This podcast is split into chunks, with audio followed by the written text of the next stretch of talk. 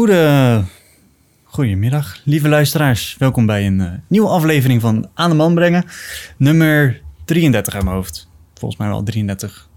Ehm, en we gaan weer een mooie aflevering maken. Weer met een bijzondere gast.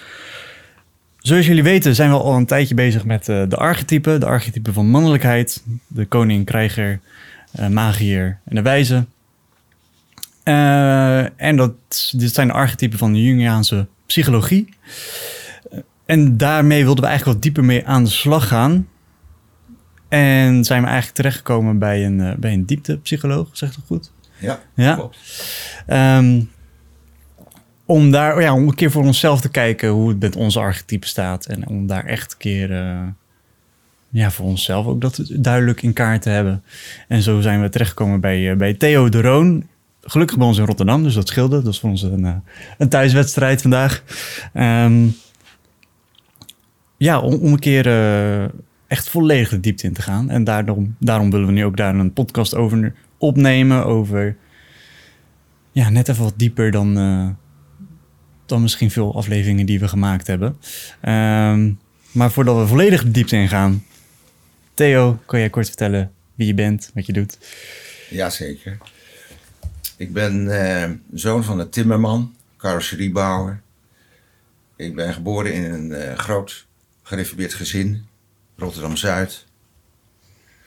Ik was de, het vijfde kind, vierde zoon. Dus het feestje was al begonnen, zal ik maar zeggen. Ehm,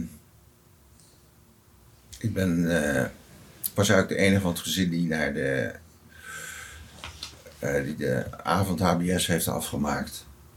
S'avonds, hè, on- ondertussen overdag werken.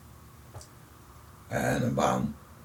En, eh, nou, vervolgens bedrijfseconomie gaan studeren hier in de Erasmus Universiteit. Het eerste deel van mijn loopbaan was eh, commerciële banen in de levensmiddelenindustrie. En zo rond mijn 43ste een omslag ik, eh, ik had alles wel eh, gezien aan de verkoopkant. En eh, nou, ik had eigenlijk geen clue wat er vervolgens zou gaan gebeuren. Ik ben gewoon workshops, trainingen, studies gaan doen. En nou, dat is vervolgens heeft dat geleid tot praktijk in ja, Jungiaanse psychoanalyse, loopbaanbegeleiding organisatieadvies. En dat, eh, dat is wat ik eigenlijk de afgelopen 25 jaar gedaan heb. Nou, wij eh, we gaan het vanochtend hebben over ingewikkelde onderwerpen. Ik eh, wil niet zeggen dat ik nou bij uitstek gekwalificeerd ben om het hierover te hebben. Maar ik vind het. toen de vraag kwam van jullie, vond ik dat ja, buitengewoon interessant. En jullie steken je nek uit. En nou, dat doe ik bij deze ook. Hè, ehm, ja, mijn bel- belangrijkste drive in het leven is eigenlijk geweest dat ik, ja, dat zeg maar, iets wat ik niet intelligent kan volgen, iets wat ik niet begrijp, dat kan ik niet volgen. Hè, dat kan ik niet opvolgen. Dus, eh, hè, dus die nieuwsgierigheid van, hé, wat, eh, hè, dat, wat, wat is dit, eh, wat, wat doe ik hier op aarde? Even de grote vraag van hoe zit dat nou? Dat, dat, dat, die nieuwsgierigheid, dat is eigenlijk de grootste drijfveer geweest bij mij. Dat wat je niet kan verklaren. Dat wat je niet kan, ver- het mysterie. Ja. Ja. Ben je dan dus ook zo op die Jungiaanse psychologie terechtgekomen? Ja, nou ja, kijk, eh, ik heb een aantal leermeesters. eh uh, Carl Gustav Jung, dat is eigenlijk wel de belangrijkste. Eh, daar was ik eh, eigenlijk op mijn dertigste al mee bezig. Maar ja, dat ging er niet helemaal in. Ik was nog niet rijp daarvoor. En, eh, maar ik voelde wel een connectie met deze man, op de een of andere manier. En dat is, eh, nou, later, toen ik eh, zo rond mijn eh, eh, 55ste kwam dat opnieuw op. Door omstandigheden, door mensen die ik ontmoette. En toen ben ik dus vervolgens aan gaan studeren, vijf jaar gaan studeren aan het Jungiaans Instituut in Nijmegen. En heb ik op mijn uh, 62, e mastersgraad gehaald in de dieptepsychologie. En dat is eigenlijk waar ik best wel trots op ben. Uh, dat vind ik eigenlijk veel belangrijker dan die studie bedrijfseconomie. Dat was mijn echte hm. passie, bleek wel. Ja. Ik vind het ook wel bewonderingswaardig dat dat best wel laat is geweest. En dat je toch, uh, de, ja, je kan ook, ik denk dat heel veel mensen denken van, ha, ik, kom, ik, ik heb een verkeerde keuze gemaakt op je vijftigste. En die dan uh, denken van, ja, maar nu is het te laat. En jij hebt toch echt dan op die leeftijd nog gezegd, nee, ik ga gewoon op mijn, wat is het, 58, 60ste, ga ik die, ga ik die studie gewoon nog doen. Ja. Ja. Ja. Wel bewondering voor. En kan je wat iets meer vertellen over, die, over de uh, analytische dieptepsychologie, uh, die, uh, die, die, therapie? En wat, wat, wat je daar bijvoorbeeld um, meer in aantrok dan de, de misschien wel de meer reguliere therapievormen? Nou ja, ik was vooral geïntegreerd, geïntegreerd door, zeg maar, die waar worden mensen nou door aangestuurd? dus het, uh, de metafoor van de ijsberg, 10% zit boven die waterlijn en 90% zit eronder. Ja. dus wat, wat, wat, wat, wat, hoe ontstaat nou een, een, een levensloop? Dus dat, dat, dat, dat integreerde mij uh, voornamelijk. En, uh, wat zijn nou de, de aansturende krachten daarin? En dan kom je toch terecht bij het onderbewust, bij het onderbewuste. Hè, dat gedissocieerde gebied, waar je voor 90% door aangestuurd wordt. Dus dat, dat trok mij aan. En ja, die vijf jaar eh, Jungiaans Instituut, ja, dat was voor mij echt een feestje. Dat was eh, elke week, een dag in de week naar Nijmegen. Fluitend dat, hè, dus ontmoette daar uh, mensen, ja, geestverwanten. Hè, dat was mijn spirituele familie, zou ik maar zeggen. En dat, uh, ja, daar ben ik ontzettend blij om. Dat, dat heeft, ja, dat, dat is bepalend geweest voor, voor, ja, ook wat ik nou, zeg maar, in mijn praktijk doe. Ik probeer iets te, te bemiddelen voor mensen om ja, een vollediger mens te worden. Dus, dus uh, worden wie je in wezen bent. En je, je zegt uh, dat was je spirituele familie. Hoe, hoe reageerde je eigen familie erop? Of je eigen kring thuis? Ja, dat is, dat is natuurlijk vaak onbegrepen. Mm. Hè? Dus, dus uh, dat, dat, ja, weet je, dat. Uh, wat, is, wat is Theo nou aan het doen, hè? Dat. En, Hij was toch de verkoper? Wat gebeurt er? Ja, wat gebeurt hier? Ja, hè, dus als een, een, een, voor mij was het absoluut geen vreemde omslag. Mm -hmm. hè, dus het, het was voor mij een natuurlijk proces. Uh, ja.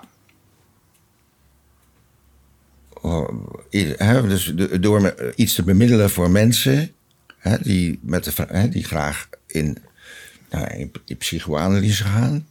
Dus er hoeven niet echt grote problemen te zijn om in psychoanalyse te gaan. Gewoon ook, je kan ook vanuit nieuwsgierigheid mm-hmm. in, psychoanalyse, in Jungiaanse psychoanalyse gaan.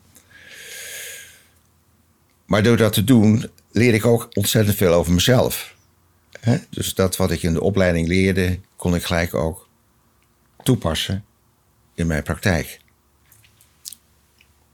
Is dat een beetje een antwoord op jouw vraag, eh, Thomas? Ja. Ja, zeker. Zeker.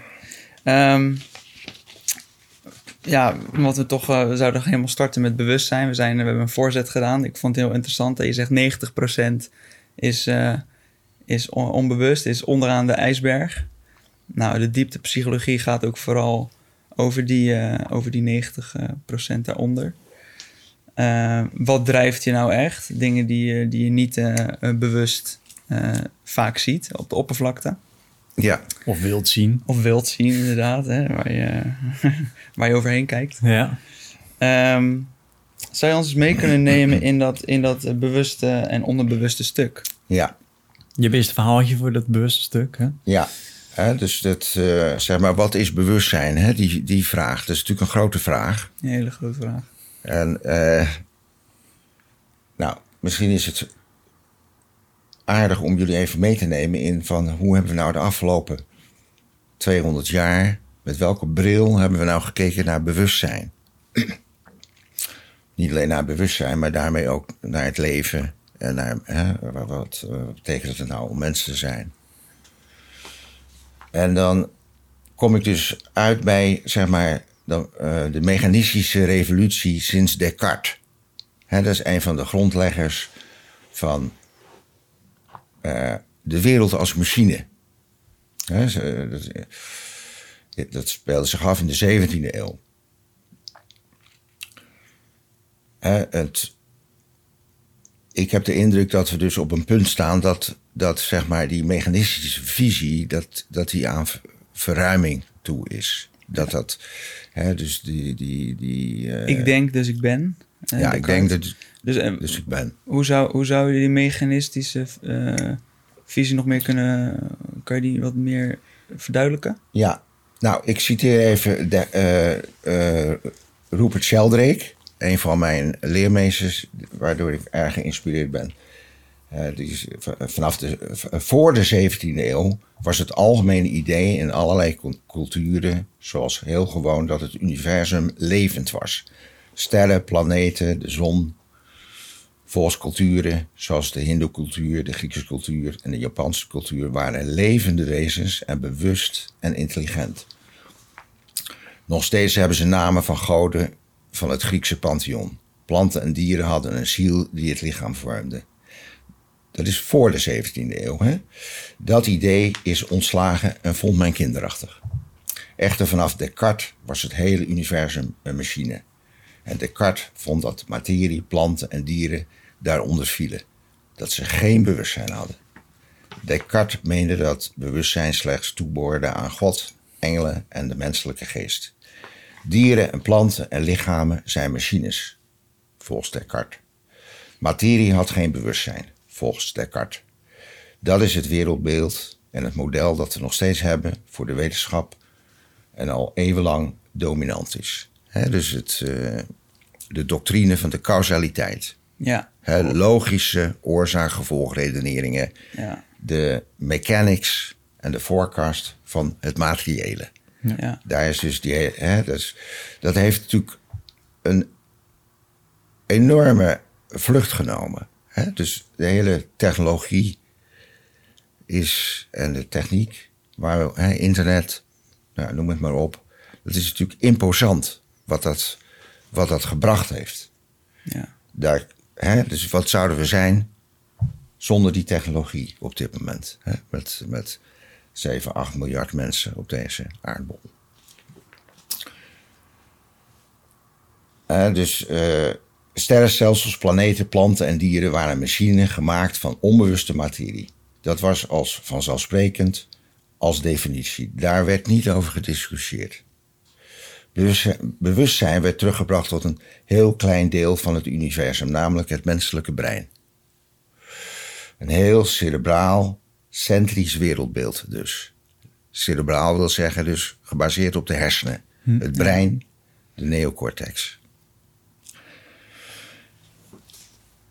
En ik denk dat we dus nu ook in het hart van de wetenschap... dat we te maken hebben met een crisis. Hè? Ze noemen wel dat de hard problem of science. ja. The hard problem of science. En dat, dat wereld, dat mechanistische wereldbeeld, dat zit natuurlijk diep in ons. Zo zijn we, hè, zo komen we, zo, zo komen we ter wereld, gecodeerd en geconditioneerd met dat wereldbeeld. Hè, er is een, hè, dus de doctrine van afgescheidenheid. Er is, Je hebt een lichaam en je hebt een lichaam geest. en er is een objectieve buitenwereld. Ja.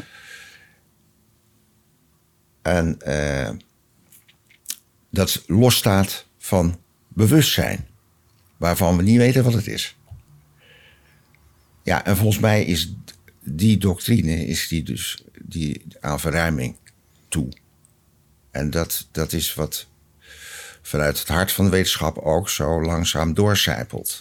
Hè, naar nou ja, de samenleving. En naar, Ja, want de wetenschap, eh, in de medische wetenschap zie je dat natuurlijk ook.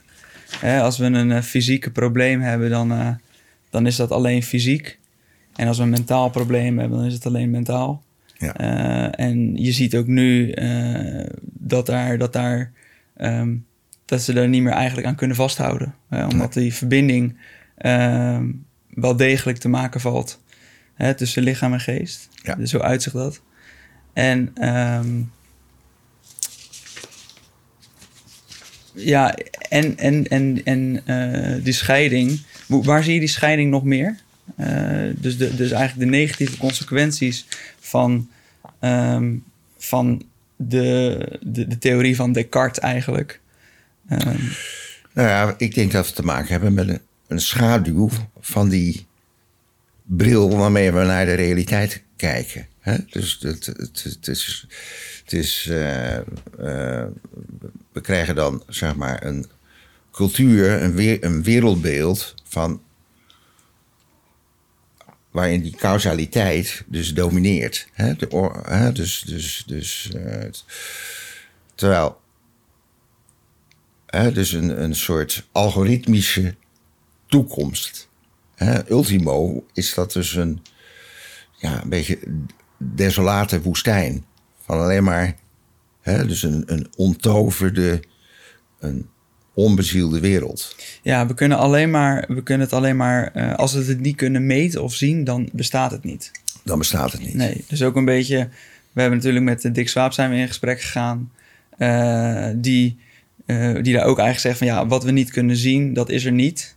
En alles moet verklaren worden vanuit de hersenen. Ja. Terwijl stel nou eigenlijk, stel, ja, misschien vind je wel in de hypothese van oké, misschien is wis- bewustzijn niet iets wat je in de hersenen kan vinden. Ja, ja wat zou je dan nog kunnen vinden? Hè? Of wat, wat kan het dan nog zeggen? Ja. Of eh, ja. Nou ja, dus het, bedoel, we hebben het hier over eh, bespiegelingen en veronderstellingen. Hè? Dus, bedoel, dus het is niet allemaal hè, eh, eh, wetenschappelijk op, hè, volgens dat mechanistische eh, paradigma te verklaren.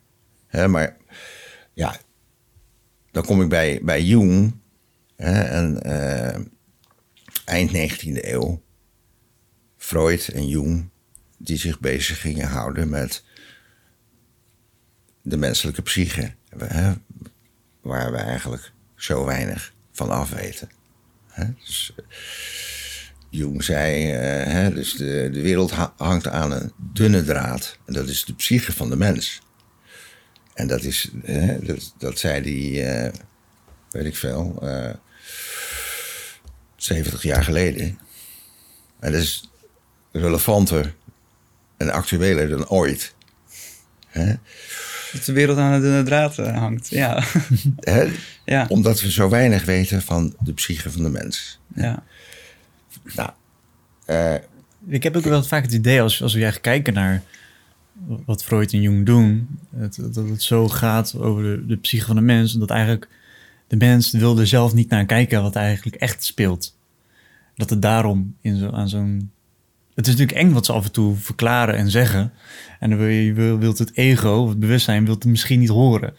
Of, of Ja. naar luisteren, Ja. wat er echt gebeurt ja. in de psyche van de mens. Nou ja, hè, be- bewust, bewustzijn, ontwikkeling is een lange weg. Dat zijn, dus dat, eh laat het duidelijk zijn. Dat is niet, eh, dat schuift echt heel geleidelijk op.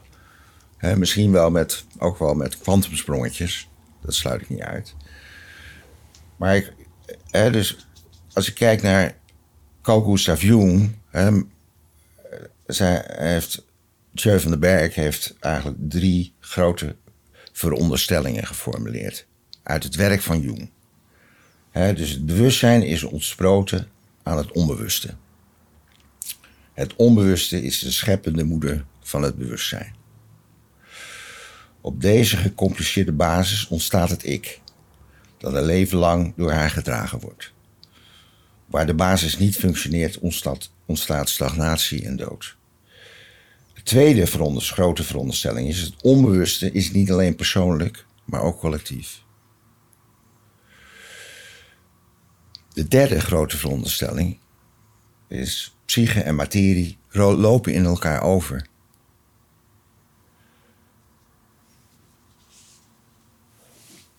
Ben ik duidelijk?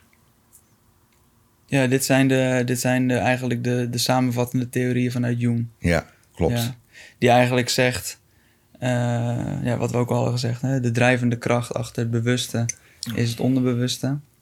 En in het onderbewuste zit in iedereen en is ook nog eens collectief. Ja. Ja, dus eh, ik vind dat het grappig ook. er zijn er best wel veel theorieën over dat er op hetzelfde moment in de, in de geschiedenis eh, ontdekkingen zijn gedaan in de wereld. Eh, ehm, terwijl die mensen niet met elkaar konden connecten. Eh, wat dus eigenlijk aantoont van hey, er bestaat een soort van collectief veld eh, waaruit we informatie krijgen waar we niet bewust van zijn. Ja. Maar we proberen wel in de huidige maatschappij alles bewust te verklaren. Ja. Eh, en we kijken daar niet naar. Dat is eigenlijk eh, volgens mij samenvattend Klopt. theorie van, Klopt. van Jung daarin. Waarbij dus, zeg maar, het collectieve bewustzijn niet de optelsom is van individueel bewustzijn. Het, is, het staat op zichzelf.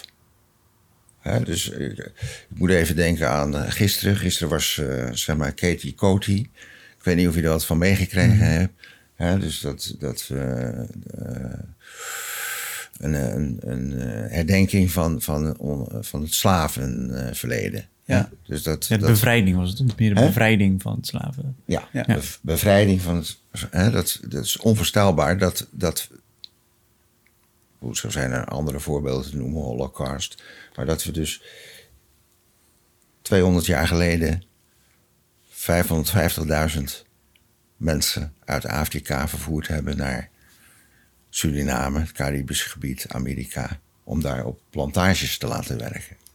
Ik bedoel, dat, als je dat, hè, nu, nu, nu is het, als je die verhalen hoort, hè, dat dringt dus langzaam door. Dat druppelt langzaam door. Ik was zelf in Suriname en eh, op de plantages en ik heb daar iets van meegekregen, wat daar, wat daar werkelijk aan de hand was. De, de, de, ja, de gruwelijkheid ervan, zeg maar. En nu dringt dat langzaam door van, hé, hey, wat is daar gebeurd eigenlijk? En zijn we daar collectief verantwoordelijk voor? En kunnen we daar collectief veran- verantwoording voor nemen? Niet persoonlijk. Ik bedoel, ik was er niet bij. Maar collectief. Hè? Als het gaat over onze voorouders. Ja. Vanuit het oogpunt van nu is het bijna onvoorstelbaar dat dat gebeurd is.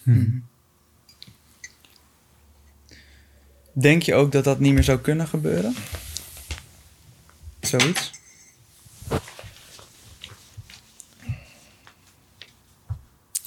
Ja, dat is natuurlijk gevaarlijk om te zeggen. Hè? Dus ook bewustzijn is drie stapjes vooruit en soms weer één terug. Ja. Eh, maar ja, ik denk per saldo dat we dus wel opgeschoven zijn. Dat dat, hè, dus een, een, een, een, een eh, holocaust is bijna onvoorstelbaar dat dat zich zou herhalen. Maar 100% zeker kan je er niet van zijn. Nee, want ik, ik vraag dat expres omdat ik zit, wel eens ook over zit, eh, daarover na zit te denken van... ehm, eh, dat zit in iedereen, dat soort schaduwstukken. En daar gaan we denk ik straks ook op verder, dat stukje schaduw.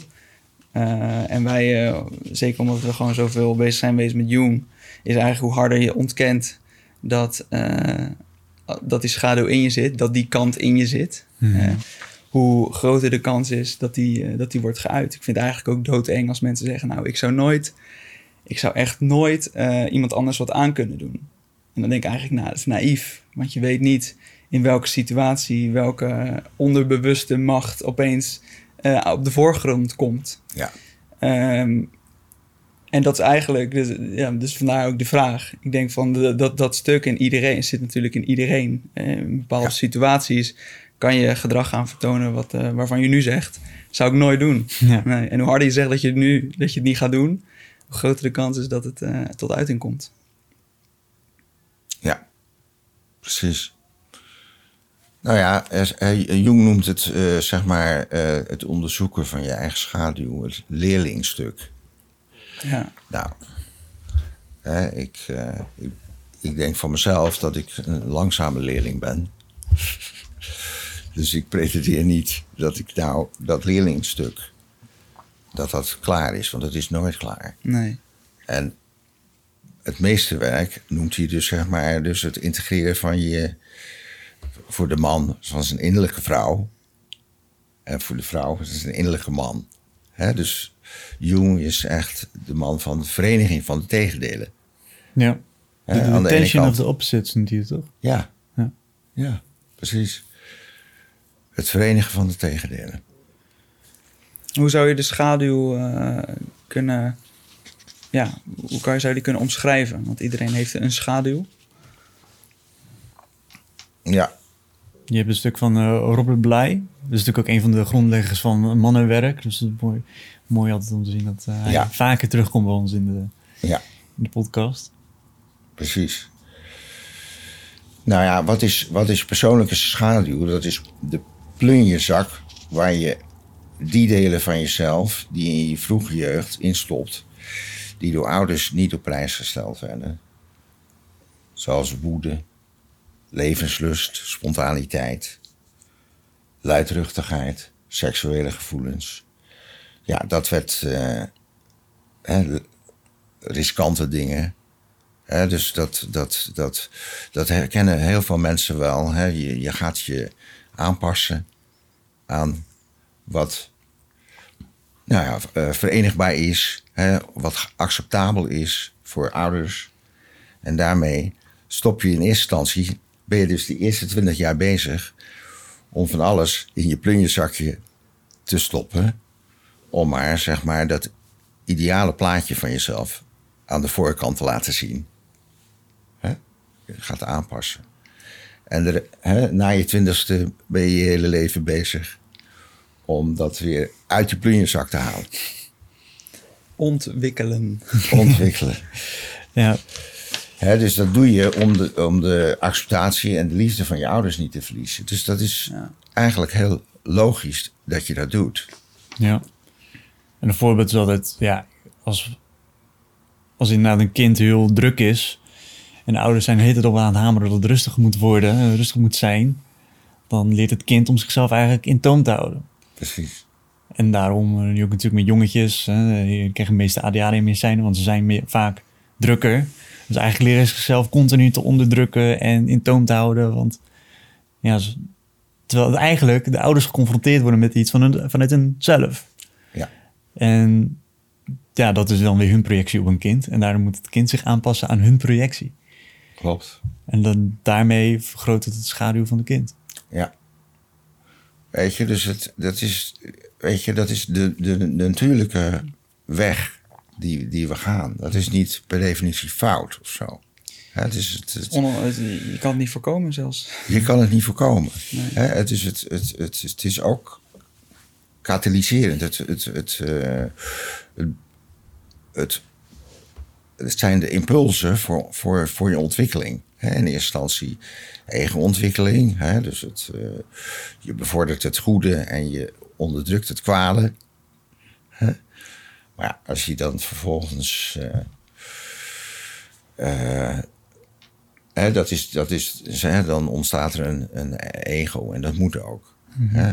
Maar als je dus vervolgens niet onderkent wat, wat nou de, de, taboe, de taboes waren, hè, eh, dan wordt het niet een sterk ego. Hè? Dus het, eh, Nee, en, je on- en, je, en je onderdrukt echt belangrijke delen van jezelf natuurlijk. Ja, Ja. Daarin ook. ja. Hè, dus daar zit een, een, eh, een, een, eh, een plunjeszak met ongebruikte energie, Ja, met vitaliteit, met creativiteit, met authenticiteit. Hè, Dus dat is eigenlijk, ja, dat is eigenlijk die, die, die Jungiaanse eh, psychoanalyse waar, waar ik me dan eh, met cliënten mee bezig hou. Dus ja, Jan Geurt schrijft ook al, als, als kind zijn ben je bijvoorbeeld je pure zijn. Dus je bent in principe alles. Eh, maar gaandeweg, door alles wat je meekrijgt, dus dat kan bijvoorbeeld zijn van ouders, school, omgeving, de mate je opgroeit, ontstaat er een ego. En dat ego, dat maakt op een gegeven moment onderscheid met wat je, ja, om, om zich aan te passen aan ouders. Bijvoorbeeld als je ouders zeggen, je bent niet creatief, maar je kan heel goed leren. Of stilzitten, dat kan je goed. Dan gaan er bepaalde delen, dat verhaal ga je ook vertellen tegen jezelf. Ja, Dus ehm, als bijvoorbeeld iemand, eh, nou ja, als we bijvoorbeeld kijken naar creativiteit, vroeger misschien een, een lelijke kleurplaat hebben gemaakt. Je ouders je continu tegen jou vertellen van, ja, jij bent helemaal niet creatief. Jij moet meer gaan studeren, je bent een goede leerling, je moet lekker leren, stilzitten. ja. Dan gaat dat kind zichzelf vertellen, ik ben niet creatief, ik kan dat niet. Ik, ik ben niet gemaakt om dingen te maken, te schilderen. Dus Ja. dan ook creativiteit kom je in je schaduw. klopt. En dat kan je dan, wat dan gebeurt met creativiteit, dus je pro- projecteert het of op anderen. Eh, en dan kan je je aan ergeren, van kijk eens hoe creatief die is. Eh, hij is zo spontaan, hij heeft helemaal geen structuur. Dus dat, dan heb je een oordeel op mensen die creatief zijn. Ja. Ja. Of, en die vind ik ook heel leuk, dat je verliefd wordt op mensen die creatief worden. Omdat dat iets is wat je eigenlijk zelf wil hebben. Dus dan zie je dat in ander en daar word je dan verliefd op. Klopt. Ja, Ja. Ja, dus, eh, hè, dus de, de, de eigenschappen van je partner zitten hè, vermoedelijk in de plunjezak. Ja, Ja. Ik, ik vind het wel mooi. Ja. Want als ik, eh, als ik terugkijk naar mijn ex-vriendin en mijn huidige vriendin, die hebben allemaal een soort vorm van enorme spontaniteit. Heel vrolijk, wild, druk, gezellig. En dat stuk heb ik in mezelf. Nou ja, ik hoor van veel mensen wel eens hoe je kan wel verlegen zijn of introvert, kan uit de boom kijken. Dus daarin is het voor mij een stuk dat ik nu al kan aankijken van wacht even. Een bepaald st- stuk onze spontaniteit en enthousiasme, dat zit bij mij in mijn schaduw. En daarom ben ik vaak, val ik vaak op vrouwen die veel meer in hun spontaniteit leven. Ja. Ja, klopt. Ja. Ja. Hoe is het bij jou, Thomas? Heb, je, heb jij ook zo'n stuk dat je nu denkt van, oh, dag, daar... eh, Ja, eh, en vooral bij mij zit dat in, dat, ehm, eh, in het nu zijn. Dus ook, ehm, eh, dat heeft ook met spontaniteit te maken eigenlijk. Dus de, ik vind ook vrouwen aantrekkelijk die heel erg in het nu zijn en eh, kunnen feesten en helemaal los kunnen gaan en de controle eigenlijk kunnen loslaten. Vind ik heel aantrekkelijk. Eigenlijk omdat ik dat, omdat ik dat zelf best wel lastig vind. Eh, om echt eh, een bepaalde controle helemaal los te laten. Ja, Ja, mooi. ja. Zo, zo, zo, eh, ja, zo zie je dat ook terug. ja, Ja. mooi. Klopt. Wel- Nou ja, dus en nog even over dit, hoe, hoe wordt die eerste 20 jaar nou die plunjezak gevuld? Dat begint met de ouders en dan gaat het door op de lagere school met de onderwijzers. Ja. En dan vervolgens eh, op de middelbare school vaak je medeleerlingen. Hè, waar, waar, hè, en, eh, ja, wat, eh, wat belangrijk is, is dus zeg maar het eh, terugnemen van projecties. Hè? Dat, is, dat is een manier om aan je eigen schaduw te werken.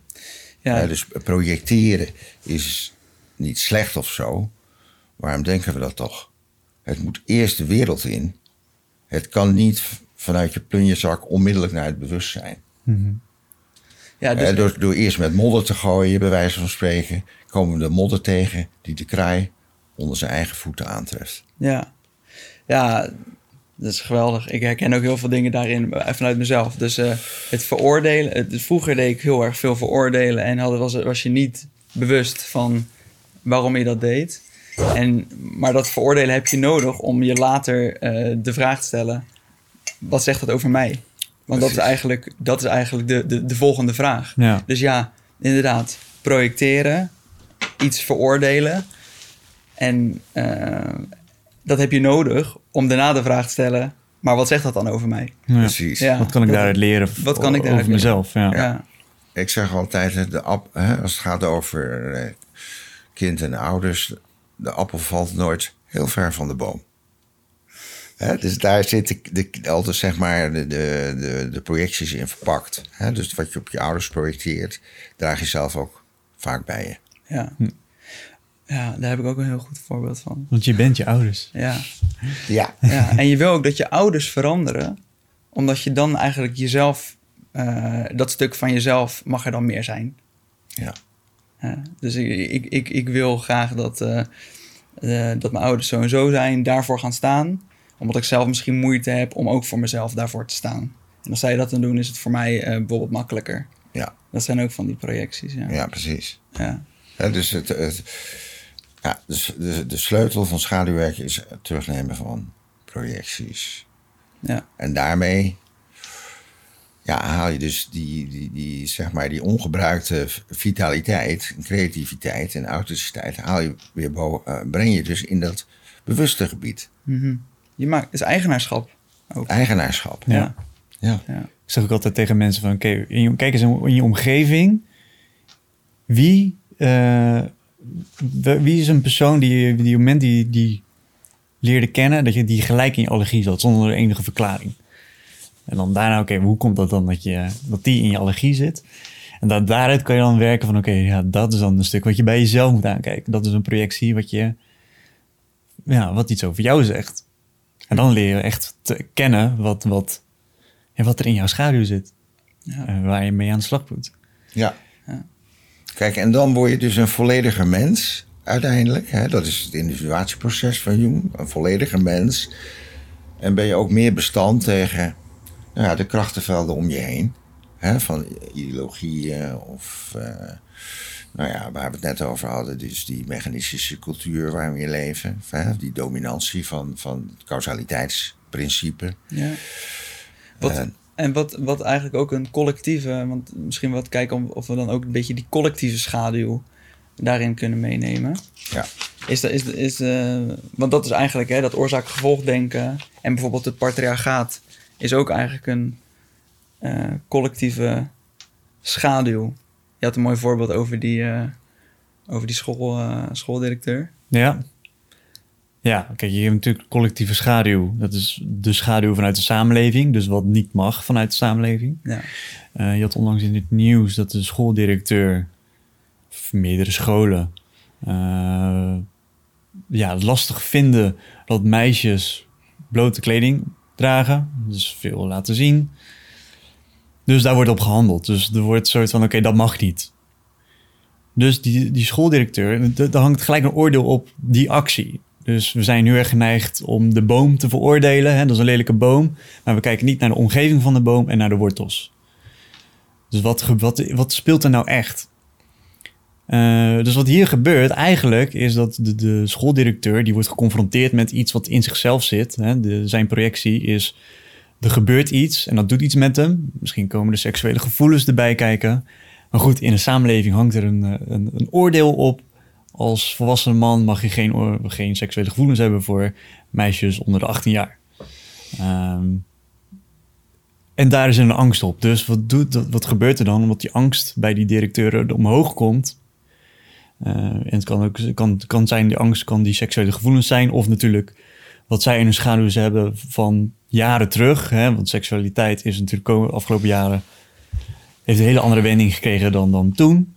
Ehm, dus omdat zij nog in een soort projectie leven dat dat niet mag... of ze worden geconfronteerd met hun eigen gevoelens gaan ze, ja, dat durven ze niet aan te kijken. Want als ze dat zouden erkennen, dan, ja, weet je, dan, dan eh, ontslag, eh, pedofiel, dus dan krijg je allemaal labels op je hoofd. Ja, dan Ja, je... precies. Hè, dus het bij zichzelf niet onderkennen van, van het taboe ja, zorgt voor projectie. En ja, dat moet dan ge- eh, gecontroleerd worden door nieuwe regels. meer schaduw eigenlijk. Meer schaduw. Ja. Terwijl als, als we het zouden kunnen erkennen, als die schooldirecteur zou zeggen: hé hey, jongens, er gebeurt iets. Hè? Meisjes dragen tegenwoordig blotere kleding. Daarmee kunnen we, krijgen we gevoelens. Hè? Want we zijn ook nog steeds biologische jagers, eh, voortplanters. Die, eh, nou ja, seks is gewoon primaire behoefte. Er wordt iets getriggerd in ons brein. Eh, ons testosteron gaat omhoog. Er gebeurt iets. Weet je, daar heb je bewust geen invloed op. Ja. Wat we wel denken vaak. Hè? We, kunnen, ja, we kunnen er zelf voor kiezen om niet die gevoelens te hebben. Nou, dat is gek, want daarmee onderdruk je het juist. En ik heb die gevoelens, of eh, ik heb die gevoelens, dus ik ben fout. Ja. Ja. Eh, en daardoor wordt er ja, vanuit een schaduw gehandeld. Dus meer regels, grote schaduw, het mag niet. Ja. Allemaal onderdrukking. Terwijl het eigenlijk heel gek is, want we, we zeggen tegen onszelf dat we in zo'n vrije samenleving wonen. Maar tegelijk zijn we ook heel veel aan het onderdrukken. Want ik moest laatst ook denken dat, volgens mij is het in Rotterdam verboden om te fluiten naar, naar vrouwen op straat. En ja, ik snap dat het niet goed is, maar om nou te zeggen dat mag niet, onderdruk je weer iets. Maar eigenlijk zou je moeten zeggen, oké, je hebt de behoefte om te laten zien dat je iemand aantrekkelijk vindt. Hoe kun je dat beter uiten? Uh, dat is een heel ander gesprek dan weer te, zeg mijn vingers te wijzen, dat mag niet. Ja, Ja. precies. Als je dat als schooldirecteur ook kan, hé, hey, ik krijg gevoelens, eh, dat doet iets met mij, maar goed, ik ben een volwassen man. Ik kan niet meer omgaan, ik kan mezelf beheersen. Hè? Dit kan ik leren aan alle jongetjes om me heen. Eh, de jongetjes die op die school zitten. De jongetjes die, die nu in een testosteron puberteitpiek zitten. Die behoeftes krijgen, doet iets met hun. En misschien verkeerde acties, opmerkingen maken. Ja. Ja, daar sta je veel sterker als je dat kan leren. Eh, dus we zien nou overal wel posts eh, op Instagram voorbij komen met teach your son. Maar eigenlijk moeten we eerst de volwassen mensen teachen hoe je met je eigen gevoelens om kan gaan. Je eigen schaduw durft aan te kijken. Ja. Zodat je dat kan onderwijzen om een vollediger man, mens te worden. Ja. Eh, Ja. Ja. ja. Precies. Ja, hè, dus als je, als je de seksualiteit groter maakt, gewoon het gebied van eros. Hè, dus dus hè, Jung heeft het over eros. Hè, dus dat vereniging van de tegen, tegendelen van het mannelijke en het vrouwelijke. Dat is eigenlijk gewoon de hele ontstaansgeschiedenis van het universum. Hè, dus dit, eh, ja, dan is seksualiteit vaak iets afge, afgesplitst geraakt de afgelopen 2000 jaar. Eh, terwijl het ook gewoon een heel natuurlijk gegeven is. Het zou veel spontaner, natuurlijker kunnen worden. Hè, dus het is, omdat het afgesplitst is, is het ook voor een deel. eh, ja, geperverteerd zou ik bijna willen zeggen. ja. Ja. Ik heb het idee nu, naarmate we steeds meer regels en meer dingen horen van dat mag niet vanuit de samenleving, vanuit de media, dat het daardoor misschien veel meer problemen gaan ontstaan. Ja. Meer verkrachtingen, meer problemen, meer. eh, dus eigenlijk. Excessen, meer excessen. Dus ja. we zijn nu meer de schaduw aan het voeden in plaats van we er op een gezonde mee- manier mee omgaan. ja. ja. Ook heel, heel logisch, hè? als je tegen een kind zegt eh, wat niet mag. ja, wat gaat hij doen? Ja. Je triggert ook juist, juist dat. Ja, Ja, dat is precies. nog interessanter. Ja, dus, hè, dus zo heeft elk gezin zijn, zijn collectieve schaduw. Elk, elk dorp heeft elke school, elke gemeenschap, elke organisatie. Elk land heeft zijn eigen unieke schaduw, eigenlijk. Religie, daar is, daar is Religie. helemaal. Ja, eh, wat wel, wat niet mag. Ja. Daar, daar komt het sterkst in voor, denk ik. Ja, nou ja, maar je ziet het natuurlijk. De, de, de priesters. Het is, het, het- wat de, de geschiedenis is van, van, eh, van, eh, van, eh, van, van, van priesters van het, eh, van het katholieke kerk. Ja. Hè, alles wat eigenlijk... Hoe groot het taboe is... ja, Hoe, eh, ja, groter het probleem wordt. hoe groter, hoe, hoe, hoe bizardere de pra- praktijken daadwerkelijk zijn geweest. Ja. Ja. Ja, hoe groter de onderdrukking, hoe groter de excessen. ja, Ja. ja. Terwijl dat stuk, dat is, als we dan terugkomen naar wat, wat Jung en Freud vertegenwoordigen, dat is zo moeilijk om aan te kijken. Ja. Dat je iets eerst moet erkennen. Dat iets is. Maar dat is, dat is gevaarlijk. Dus gaan we het maar wegstoppen. Nog harder wegstoppen. ja. Cognitieve gedragstherapie. Ja.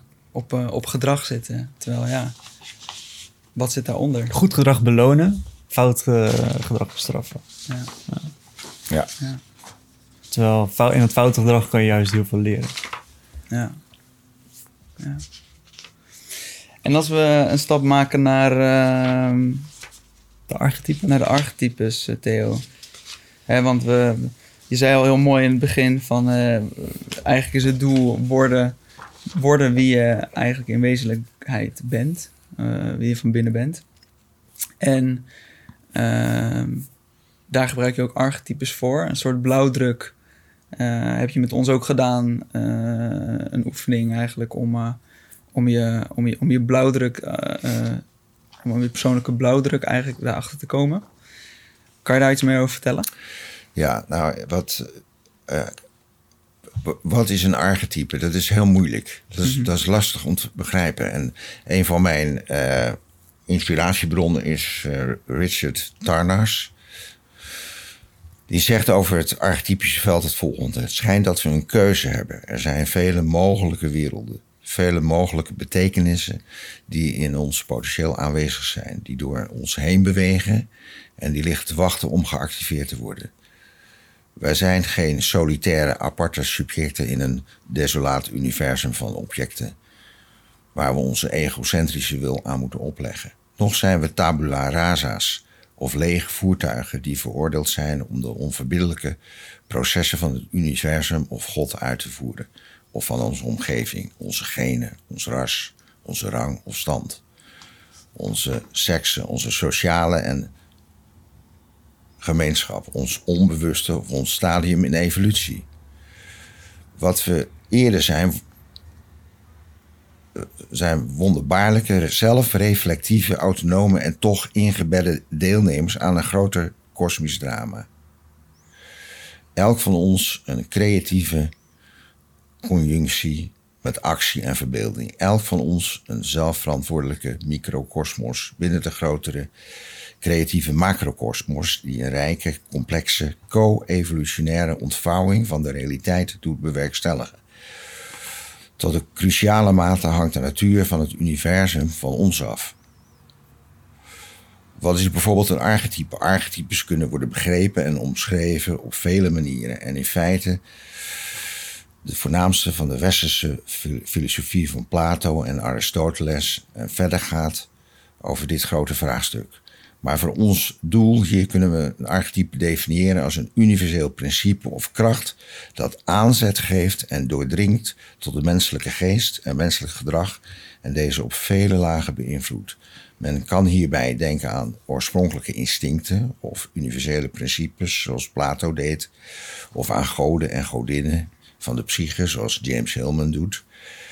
Archetypes bijvoorbeeld Venus of Mars lijken een transcendente mythische kwaliteit te hebben die toch ook iets heel specifieks, psychologisch tot uitdrukking brengen, zoals het verlangen naar liefde of de ervaring van schoonheid, Venus. Of de impuls tot assertieve activiteit of agressie, Mars.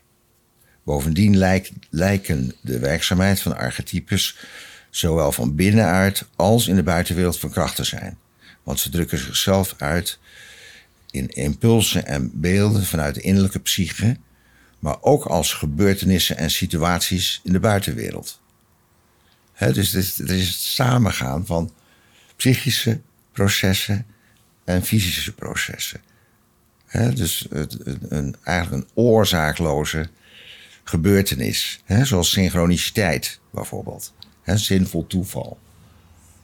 Ja, dat is natuurlijk een. Ik vind dat hij het goed omschrijft, Richard Tarnas. Ben ik nog te volgen? Ja, ik vond het een heel mooi, eh, mooi stuk. Ik vond het wel moeilijk om eh, een interpretatie uit te halen. er waren veel moeilijke woorden en bijvoeglijke naamwoorden om iets te duiden. Ja. Hoe zou je het in je eigen woorden kunnen omschrijven? Nou ja, voor mij zijn archetypes functioneren als een soort tweede psychische systeem binnen mensen. Hè? Eh, ja, iets, iets wat. Eh, ja, waar je door aangestuurd hebt. Hè? Waar, waar je door in aangestuurd wordt. Hè? Dus ik, heb jullie zo'n eh, katmeting gedaan. Hè? Dus het product. Het, eh, een, instrument door Hardy Rump van het Jungiaanse Instituut ontwikkeld. Waar je dus heel praktisch toe, toegepast kan laten zien hoe dat nou zit met archetypes. Hè, dus die. die, die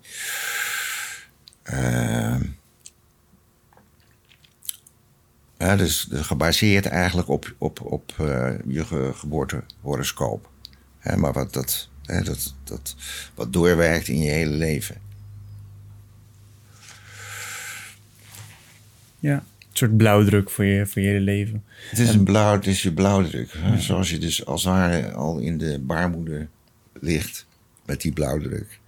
En dan vervolgens eh, het drama hè, van, je, van je leven met zijn hobbels en zijn uitdagingen in werking zet. Zo kan je ernaar kijken. Ja. En het is eigenlijk ook een zaak om terug te keren naar die blauwdruk. Dat is eigenlijk de, het, eh, ja, dat is eigenlijk het doel van, van het leven daarin. Ja. Ja, Ja, doordat want die, die archetypes die hebben, een, aan de, aan, hè, die, die hebben een voorkant, positief, maar die hebben dus ook een achterkant, in het negatief. Hè? Het, het, het verhaal van eh, Jekyll en Hyde. Ja. Ja, dat is ook in principe de schaduw, toch? De Jekyll Ja. en Hyde. De, het ego en de schaduw. Ja. Ja, wij, wij gebruiken de archetypes eh, vooral ook om, om te duiden. Hè? Dus het is eigenlijk, ik zou het ook omschrijven als iets waar je iets in kan herkennen. Ehm, eh, waardoor je eigenlijk je eigen gedrag beter begrijpt. Waar het op gestoeld is. Ja. Ehm, maar het, het blijft moeilijk om, een soort, eh, om er een, echt een interpretatie van te geven aan woorden. En wij gebruiken dan eh, de, de, de warrior, de magician, de lover. En eh, die heeft bepaalde gedragingen die, eh, ja, waar iedereen zich in kan herkennen. Bijvoorbeeld films. Hè? Een, een, een, een soldaat in een film die heeft bepaalde gedragingen. Ehm, die kan ook doorvertalen. En dat vinden mensen leuk om te zien. Hè? En dat zegt dan misschien wat over jou, dat jij dat aangenaam vindt om te, om te bekijken. Of, ehm, en zo volgens mij werkt het ook hetzelfde met, met, die, met, eh, met kat. Met, met, die, met het eh, model wat we hebben gebruikt. Ja. Ja.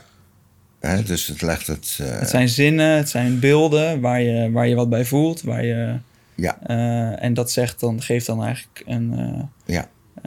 iets over jou, zegt iets ja. over jou. Hè, dus het zijn, het, zijn twaalf krachtenvelden.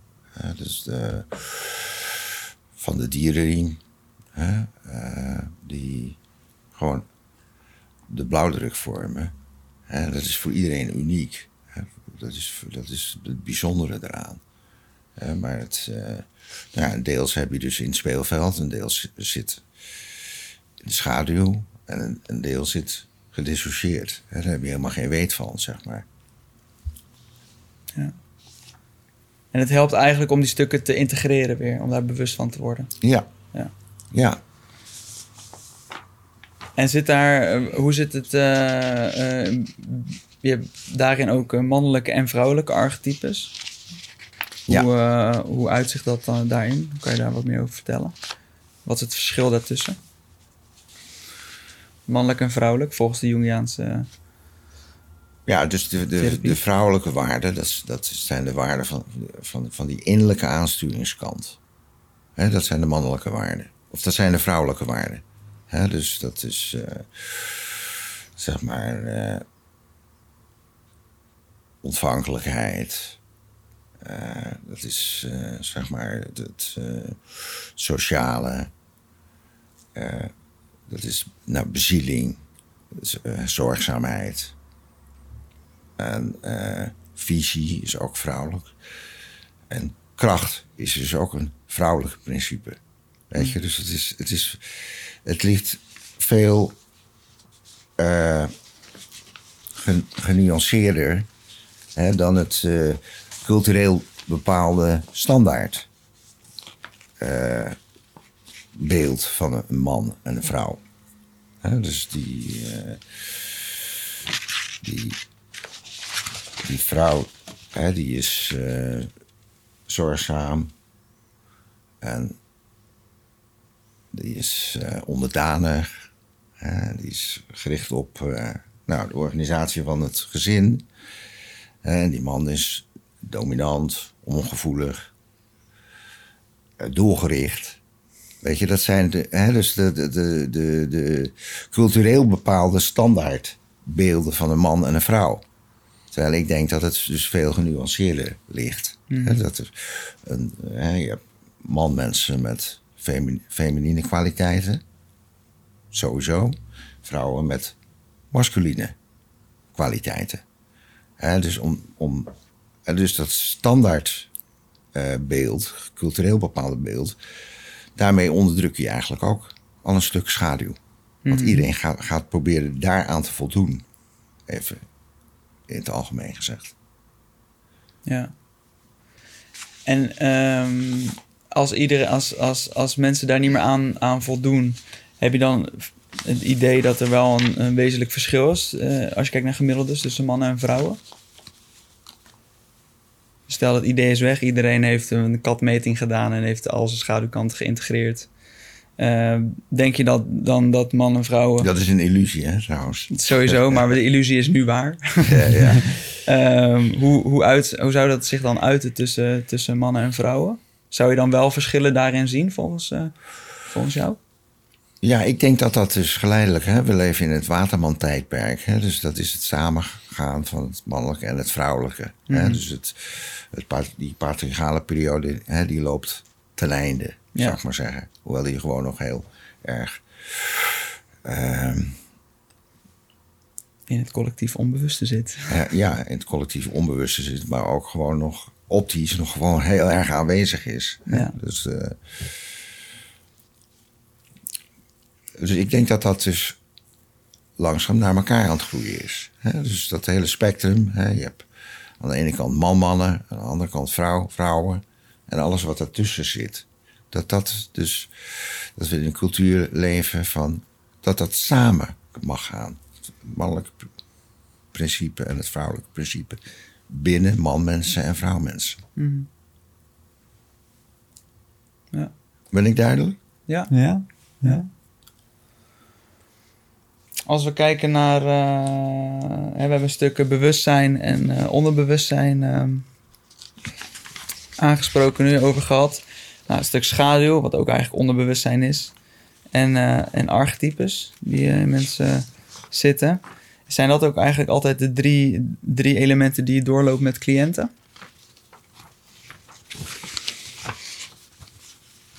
Nou ja, wat, wat, ik, wat ik doe binnen, eh, binnen de analyse is dus het eerst hebben over die blauwdruk hè, met, met zo'n katmeting. Hè, dus dat maakt al eh, heel veel zichtbaar. Eh, dan wat ik standaard doe is ook een MBTI-profiel maken. Hè, dus hoe die bewustzijnsfuncties geconfigureerd zijn. eh, extravert, introvert enzovoort. Intuïtief of cognitief. En dan, hè, dus dat, dat MBTI-profiel, Myers-Briggs, dat valt als het ware op dat archetypische profiel van die katmeting. En dat maakt al een boel duidelijk. Nou, dan wat ik eh, altijd doe, is dat gezin van herkomst. Hè, dus eh, vader in beeld brengen, moeder in beeld brengen, inclusief nou ja, die schaduwkantjes. Hè, wat zichtbaar maakt wat nou de- schaduw van het gezin was. Wat speelde daar nou? Wat was jouw reactie daarop? Wat was jouw antwoord daarop? En dan kom je bij, eh, uiteindelijk bij, eh, ja, wat is nou jouw thema? Hè? Wat, wat is jouw trigger? Waar sla je op aan? Waar ga je, waar klap je van dicht? Waar ga je op onderuit? En dat, eh, dan heb je concreet iets helder waar je aan kan werken. Hè? Dus, dus stel, hè, stel- bijvoorbeeld, dus een, eh, er loopt altijd een kind mee, een innerlijk kind mee. Met elke volwassen loopt ook nog steeds een innerlijk kind mee. Dat kan een schuldig kind zijn, of een gemanipuleerd kind, of een afgewezen kind, gekwetst, verwaarloosd kind, teleurgesteld kind. Iedereen er- erkent wel gewoon bepaalde elementen van, van, van, van, van die woorden. Nou, dan rolt daar dus een dominant thema uit. Hè? Dat kan zijn afwijzing. Dus als, als er iets op me afkomt waardoor ik me afgewezen voel. Dat is een eigen beleving, hè? Maar dan klap ik dicht. Ik, ik, ik word niet gezien, ik word buitengesloten. voel me eenzaam, alleen, in de steek. Nou, dat is een. Hè, dus dan kristalliseert zich een bepaald thema uit. Of het is als ik gedwongen word, of ik word gemanipuleerd, of er komt agressie op me af, of er dreigt iets, of het is bedriegelijk of leugenachtig. Hè, dat is allemaal dezelfde Zeker. energie. Hè, dus het, er kristalliseert zich een thema. En daar kan je dan concreet aan werken. Ja. En dat is bij iedereen weer anders. Helder.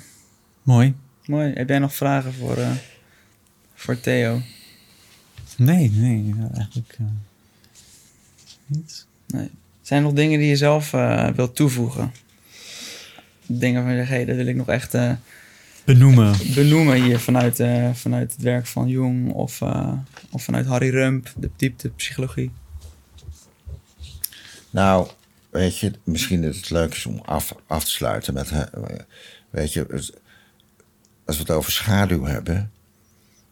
dan is dat ook een beetje zwaar, als het ware. Dus dan voelen we dus ons eigen onbeholpen stuk.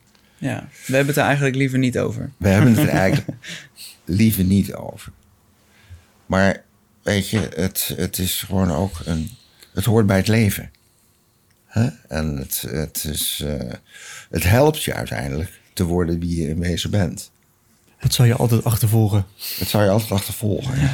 Nou ja, misschien een aantal voorbeelden van hoe, hoe ontmoet je nou je schaduw. Hè? Nou, bijvoorbeeld overdreven gevoelens over jezelf. Ik ben zo dik, ik ben zwak, ik kan helemaal niks. Ik haat mezelf. Ik heb nergens controle over. Ik ben zo oordelend. Hè, wanneer we hè, iets projecteren, wanneer we intens reageren op trekken in anderen die we in onszelf ontkennen. Hij is zo arrogant, ze is zo verleidelijk, hij is zo lui. Hij, zij is zo ambitieus. Stereotypen. Het wij-zij denken. Nou, racisme, seksisme, leeftijd, leeftijdsdiscriminatie, homofobia, verslavingen. Hè? Dus verlangen dat out of, control is, out of control is naar voedsel, alcohol, seks of liefde. Nou, daarin kom je dus, hè, dat is de ontmoeting met je schaduw. Ja, Sarcasme, vooroordelen, wreedheid, humor, grappen ten koste van de ander maken. Mhm. Lachen om de onhandigheid van de ander. Nou, hè, in midlife fantaseren over een ander leven, meer vrijheid, meer zingeving, meer creativiteit, minder verantwoordelijkheid. Of dromen. Dus eh, wanneer we de angstige aspecten van onszelf tegenkomen. Dus om verantwoord aan je schaduw te werken, heb je eigenlijk ook een, eh, een soort eh, praktijk nodig van dat je die ik-sterkte vergroot. Meditatie is een voorbeeld, of, of ma- martial arts is een voorbeeld. Weet je? Dus om aan je schaduw te werken, moet je een stevige mast op je eigen zeilboot hebben. Dat, eh, en wat bedoel je daar precies mee? nou, eh, om niet overspoeld te worden door die schaduw, Ja, is er ik-sterkte nodig. ja een soort fun, een, een fundament Ja, van, van ja een soort fundament. zelfvertrouwen misschien een beetje Ja. ook. Ja. Dus de, nou, meditatie of martial arts of andere vormen kan je daarbij helpen. Ja. Om niet. eh, hè, dus een, een, een, een- je hebt een. een eh, die schaduw is nodig. We, we tasten in de Duitser om naar het licht te gaan. Dus je hebt een, een, een, sterke eh, mast nodig. Om niet steeds op de rotsen gegooid te worden, Mhm. bij wijze van spreken. ja. Dus we kunnen mild daarmee omgaan. We, we- do- door ze te zien in de, om, om een schaduwdeeltje te zien in de ontstaansgeschiedenis. Ik noem dat time traveling. Dat je gaat zien waar is het ontstaan. Waar is het, wat is het patroon wat je ziet? Die 90%. Dus hebt die, die 10% is eigenlijk alles wat je net noemt. Hè? Eh, nou, alle voorbeelden die je bij jezelf zou kunnen herkennen op bewust vlak. Ja. En dan eh, Ja. ga je eigenlijk naar die 90% van... oké, hoe komt het dat ik Ja. eh, iemand anders veroordeel, lach als, die, eh, als iemand iets onhandigs doet... of eigenlijk al die Lui op Al- de bank zit. lui op de bank zit, al die eh, dingen die je eigenlijk eh, Ja. hebt. En dan zeg je van, oké, wil je die 90% induiken in het onderbewuste... moet je een, wel een beetje een stevig fundament hebben... Ja, En, eh, en daarvoor kan je ehm, bijvoorbeeld meditatie is daar geschikt voor. Hè? Dus dat je Ja. eigenlijk bepaal, op een bepaalde manier ook een soort stevigheid in jezelf vindt. Dat je die, het aankijken van die schaduwkant kan handelen. eh, exact. Ja, Dus door Exact. meditatie kan je eigenlijk jezelf trainen om meer bewust te worden van wat er speelt.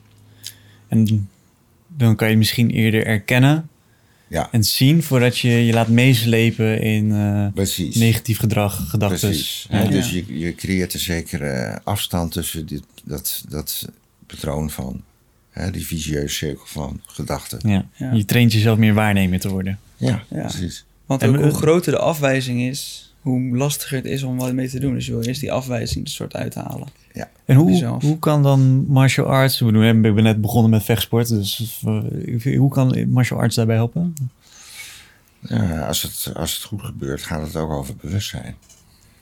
En eh, ja, dus goed gecenterd zijn, goed verankerd zijn in jezelf. Ja, ik om, moet zeggen, om je, niet te laten ontaarden in, in, in vuile agressie. ja. eh, maar gewoon in schone ag- Niks mis met eh, schone agressie. Mhm. ja. ja, ik ben nu bezig met Braziliaanse jiu-jitsu. Oh, wat leuk. En dat is wel echt... eh, nou, ze zeggen al tegen me, het eerste half jaar ga je heel veel verliezen. Dus je wordt geconfronteerd sowieso heel erg met jezelf en je ego. Want die, die gaat het op een gegeven moment natuurlijk niet kunnen handelen. Maar eh, ja, je, je wordt ook wel... Het is een soort beheerstheid die je leert. Ja. Dus kom, het is zelfverdediging. Dus ga je op straat, dadelijk eh, kom je in een gevecht. Kan jij iemand zo beheersen dat het en jezelf... dat het geen wilde agressie wordt, maar beheerste eh, agressie waarbij je eigenlijk de ander in toom kan houden.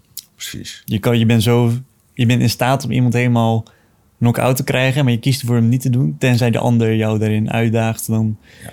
En jou aanvalt, dan kan je hem op een beheerste wijze uitschakelen. Ja, mooi. Goed van je. Zeg. Dankjewel. Ja. Dus ik zit nu bij les 2 ik moet zeggen, eh, het is toch behoorlijk pijnlijk om... eh, Hij is blij dat hij kan zitten. ja, Ja, vanmorgen toen ik wakker dacht, oh, alles doet pijn. ja, ja, Ja. ik snap het. Ja. Ja. ik heb zelf vijf jaar karate gedaan en dat heeft me heel veel gebracht. Het is, eh, ik ging altijd met gepaste tegenzin daar naartoe. Ja. Maar als ik er vandaan kwam, dan eh barst ik van de energie. ja. Dat heeft, heeft mij echt sterker gemaakt. Ik moest, eh, ik moest even, ik moet ook denken aan, eh, als, je, als je het hebt over archetypen. eh, de leeuw is natuurlijk eh, de koning van, van, eh, van het dierenrijk. Ja, Maar als je echt oprecht kijkt van waarom is nou de leeuw de koning?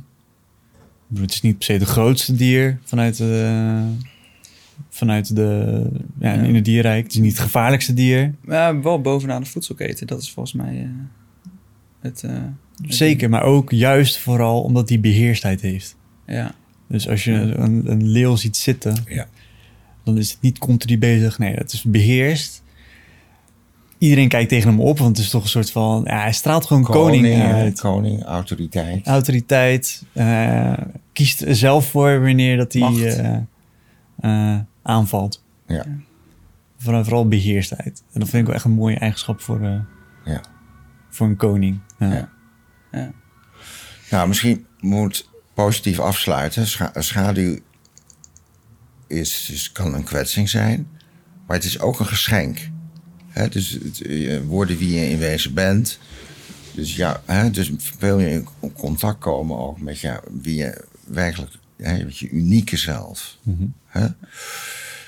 Want onze grootste nachtmerrie is vaak dat we ons als een compartimentje, als een irrelevant compartimentje zien. Hè, als een eh, overbodig eigenlijk, hè, die, die extra on the stage. En dat is eigenlijk zo'n vertekening van wie je in wezen bent. Hè, dus het, een functionele vertekening, wat uiteindelijk maakt het maakt die schaduw dat je dus meer in contact komt met wie je werkelijk uniek bent. En welke unieke gift je ook te geven hebt. Mhm. Aan het leven, aan de gemeenschap, aan je bedrijf. Ja, het is een manier om jezelf te ontmoeten eigenlijk. Ja, En dan als, als laatst... dus het eh, is, er, is, er is een soort. eh, eh, je moet wel heel slim zijn om de dwaas in jezelf op te roepen. Dat heeft alles te maken met schaduwwerk. ja, om die zot in jezelf op te noemen. Want hè, dwaasheid leidt tot wijsheid uiteindelijk. ja. Dus wist je trouwens dat veel cabaretiers eh, eigenlijk de, de schaduw, of de persoonlijke schaduw, collectieve schaduw, aan de kaak stellen. ja. Zo, je- wist je trouwens Wow, dat. wat grappig. Dat is, wel, dat- dat is leuk om te denken dat je dan... Als je cabaretier maakt natuurlijk grappen over dat wat pijn doet. Hè, want daar mag eigenlijk niet over gelachen worden, maar toch doen we het.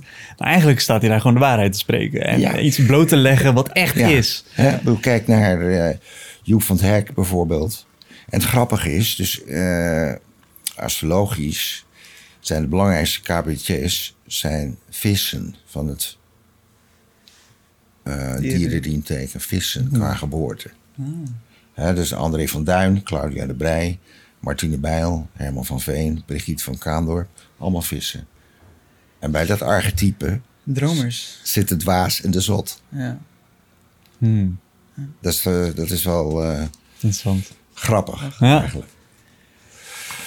En dan eh, nog een klein beetje concreet. Hè? Je, hebt, eh, je, je hebt jezelf ontmoet in, eh, in je schaduw. Je hebt een bepaald gedrag wat niet voor je werkt. Je komt achter dat patroon.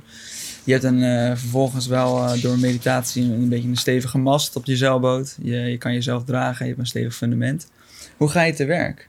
Hoe ga je, hoe ga je zorgen dat dat patroon dat, dat, dat niet meer voor je werkt? Hoe ga je daar op een eerste stap dan mee aan de gang?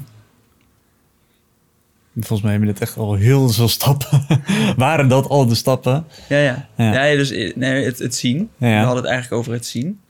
Dan over, eh, als je ermee aan de, gang gaat, aan de gang gaat, schaduwwerk, dan wil je een, eh, stevig staan, want anders ben je heel de tijd geïdentificeerd met dat stuk. Nou, dat kan je. En de- hoe ga je, hoe, hoe, ja, en dan, wat, wat, wat, ga, wat ga je dan eh, verder ermee mee doen? Hoe ga je te werk om, om een beetje los van dat patroon te komen? Dat het niet Nou meer ja, zo- je, wo- je wordt steeds bewuster van wanneer je projecteert. Ja. Of wanneer Ja. dat tevoorschijn schiet. Dus wanneer je weer volgende keer getriggerd wordt, denk ik. Als je bijvoorbeeld eh, iemand eh, lui op de bank ziet zitten en je denkt, jezus, wat is die lui? Of echt van een lui, lui vark is het. Weet je, dat, dat is het eerste wat je hebt. En als je daar bewust van wordt en die projectie op een gegeven moment naar jezelf kan kijken. Hé, hey, die gast is lui. Waarom vind ik dat zo vervelend? Ja, Oh, wacht even, misschien moet ik zelf even een keer wat rust nemen. ja. En dan ga je meer op een liefdevoller aspect naar jezelf kijken. En dat is dan de stap die je zet. Ja. Eh, dus je, je leert van je projectie wat het met jou doet. En dan kan je daarmee aan de slag gaan. Dus als iemand... ja, dat vind ik mooi nu in de samenleving. Dat, dat er laatst ook was een stuk in de media...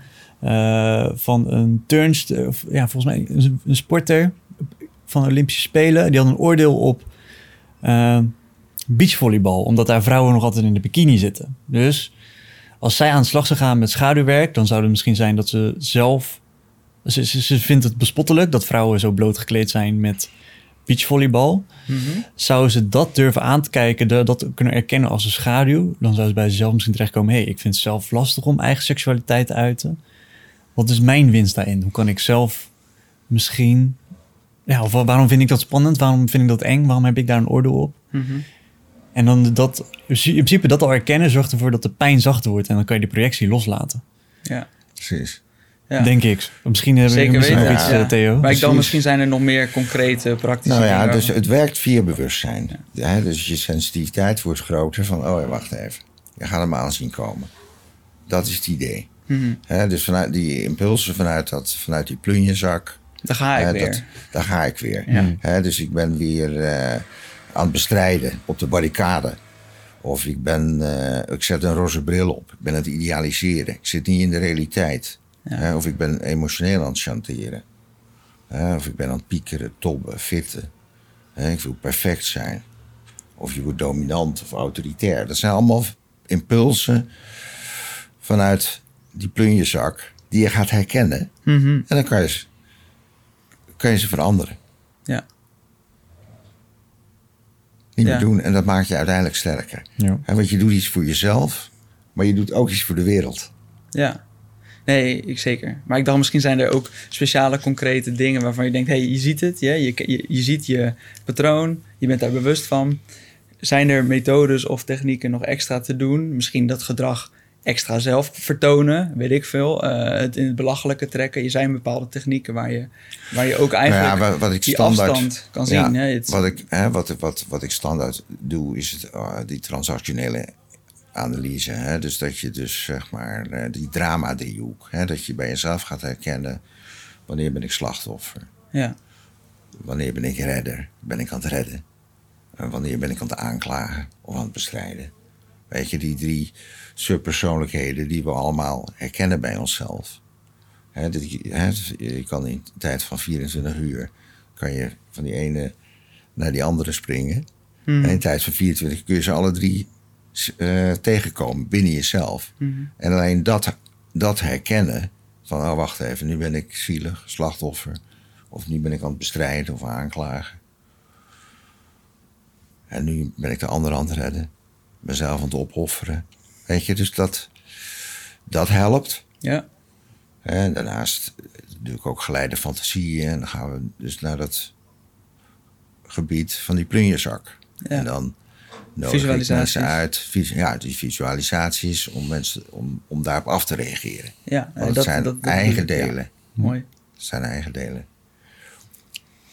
En dat heeft een blijvend effect Ja. op mensen. Dat is eh, een van de meest krachtige tools die we als Jungiaans psycholoog, dieptepsycholoog hebben. Ja. Super. Mooi. Dankjewel Theo voor, eh, voor dit allemaal. voor dit diepte. Ja, dank jullie wel. Want ik, hè, dus ik vind het echt stoer wat jullie aan het doen zijn. Ik denk dat het zo eh, eh, relevant is. Uh, werken aan je eigen gezonde mannelijke identiteit. En ja, dus nog heel veel werk. Zeker. Ja, ik aan de vond winkel. het- vind het trouwens nog wel mooi, omdat eh, we hebben allebei natuurlijk nu zo'n sessie bij je gehad. Ja. En er kwam bij ons allebei kwam hetzelfde naar voren. Dat we het verklaren van mannelijkheid heel mannelijk aanvlogen. Ja. Hoe, kan je daar nog iets kort over vertellen? Wat, wat het, Nou ja, het zo je, ironisch dat is, was? Dat is natuurlijk. Hè, dus het, het, het is, dat is niet. niet eh, dat is helemaal oké. Dus het gaat over bewustwording. Van eh, oké, ja, wat, hoe zit het bij mij met die vrouwelijke waarden? Hè? Betrokkenheid, zorgzaamheid, eh, verbeelding. En ga zo maar door. Visie. En eh ja, dus hoe, hoe word je meer jezelf? En niet dat standaard cultureel bepaalde beeld, maar gewoon werkelijk jezelf. En hè, dus die vereniging van die tegendelen, mannelijk, vrouwelijk, maken dat je sterker wordt. En nou ja, beter bestand bent hè, eh, om ja, dat krachtenveld buiten jezelf om daar antwoorden op te geven. Dus dus eh, ja, sterker in, je, in jezelf gebaseerd te zijn. Bedankt Theo. Bedankt. Ik denk dat we zelf ook deze aflevering nog wel een aantal keer moeten terugluisteren. dat sowieso. Graag gedaan. Ja. Kunnen mensen, stel mensen willen een sessie bij je boeken, waar, kun- waar kunnen ze met jou mee aan de slag? Hoe kunnen, kunnen ze bij jou terechtkomen? Ja, dat... eh, Even schaamteloze dus, eh, zelfpromotie, hè? Nu mag het. Een stukje zelfpromotie. ja. nou, ik heb het aardig druk, maar er kan altijd nog wel eh, iemand bij. Eh, ja, w- hè, we- eh, www.jungiaansentherapie.nl www.theodroom.nl Dat, eh, Dan kunnen ze bij mij wel eh, terecht en aankloppen. Mooi. Mooi. Gaan ze zeker doen nu. En eh, jullie luisteraars, ja, bedankt voor deze... Bedankt voor het luisteren van deze aflevering. Het zal vast een hele leerzame aflevering zijn. Het is ook iets waar wij nu even lekker mee aan de slag kunnen. Ja. Ehm, bedankt weer voor het luisteren. En eh, ons kun je vinden op www.aanmanbrengen.com en op Instagram, het. En dan eh, horen we jullie bij de volgende aflevering. Tot de volgende.